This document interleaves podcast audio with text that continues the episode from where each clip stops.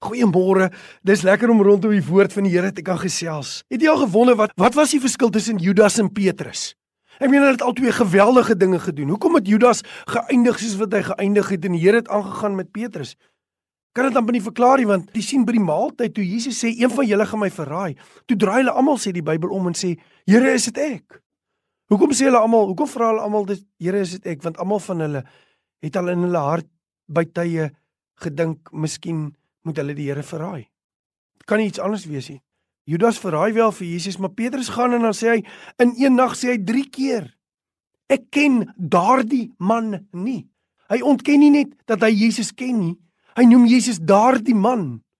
Waar lê die verskil dan tussen Judas en Petrus? Ek dink dit lê in hoe hulle hanteer die fout wat hulle gemaak het, nie die fout wat hulle gemaak het nie. Want Judas se fout was nie groter as Petrus se fout nie. Judas se verraad was nie groter as Petrus se verloning nie. Nee, wie waar lê die verskil in? Judas kom en hy bring die geld terug. Judas probeer om reg te maak dit wat hy gedoen het. En jy sien, jy kan nooit regmaak dit wat jy gedoen het teenoor God nie. Dit lê nie in jou hande om jou verhouding met God te herstel nie. Ek dink baie keer sê mense, die man het reg gemaak met die Here. En dit is nie verkeerd om dit te sê nie want wat hulle impliseer is hy het na die Here toe gegaan. Maar wat Judas probeer doen dit is uit, uit sy eie uit. Hy het die geld gaan teruggee en gedink hy kan dit ongedaan maak, maar jy kan nooit sonde ongedaan maak nie. Jy kan nooit regmaak voor die Here nie. Jy kan nooit opmaak vir dit wat jy gedoen het nie. Die mens kan nooit die verhouding met God herstel nie. En maar in steede van Judas wat voor die Here gaan staan en sê Here, vergewe my, dan het die Here hom in 'n oomblik teruggevat, maar hy doen dit nie. Wat gebeur met Petrus nie? Hy breek voor die Here. Hy breek. Hy breek, hy bely dit en op 'n stadium dan staan hy voor die Here en dan sê hy, "U weet alles, u weet dat ek u liefhet." Nee wat? Jy kan nie regmaak met die Here nie. Ek weet nie waar jy staan nie. Miskien jy verloon, miskien jy verraai. Jy kan dit nie regmaak nie.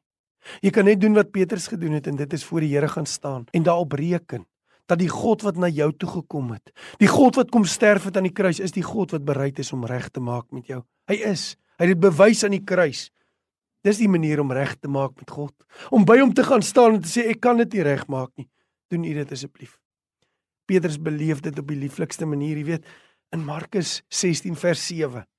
Dan wanneer die engele na die opstanding die vroue ontmoet, dan sê hy: "Gaan sê vir die apostels, hulle moet Galilea toe gaan, maar gaan sê in besonder vir Petrus. Die Here stuur 'n besondere boodskap vir Petrus." Want jy sien die Here is besonder besorg om verhouding met ons te herstel. As jy voor hom gaan staan en sê Here, ek kan dit nie herstel nie. Ek kan nie ongedaan maak nie, maar ek staan voor U met my lewe.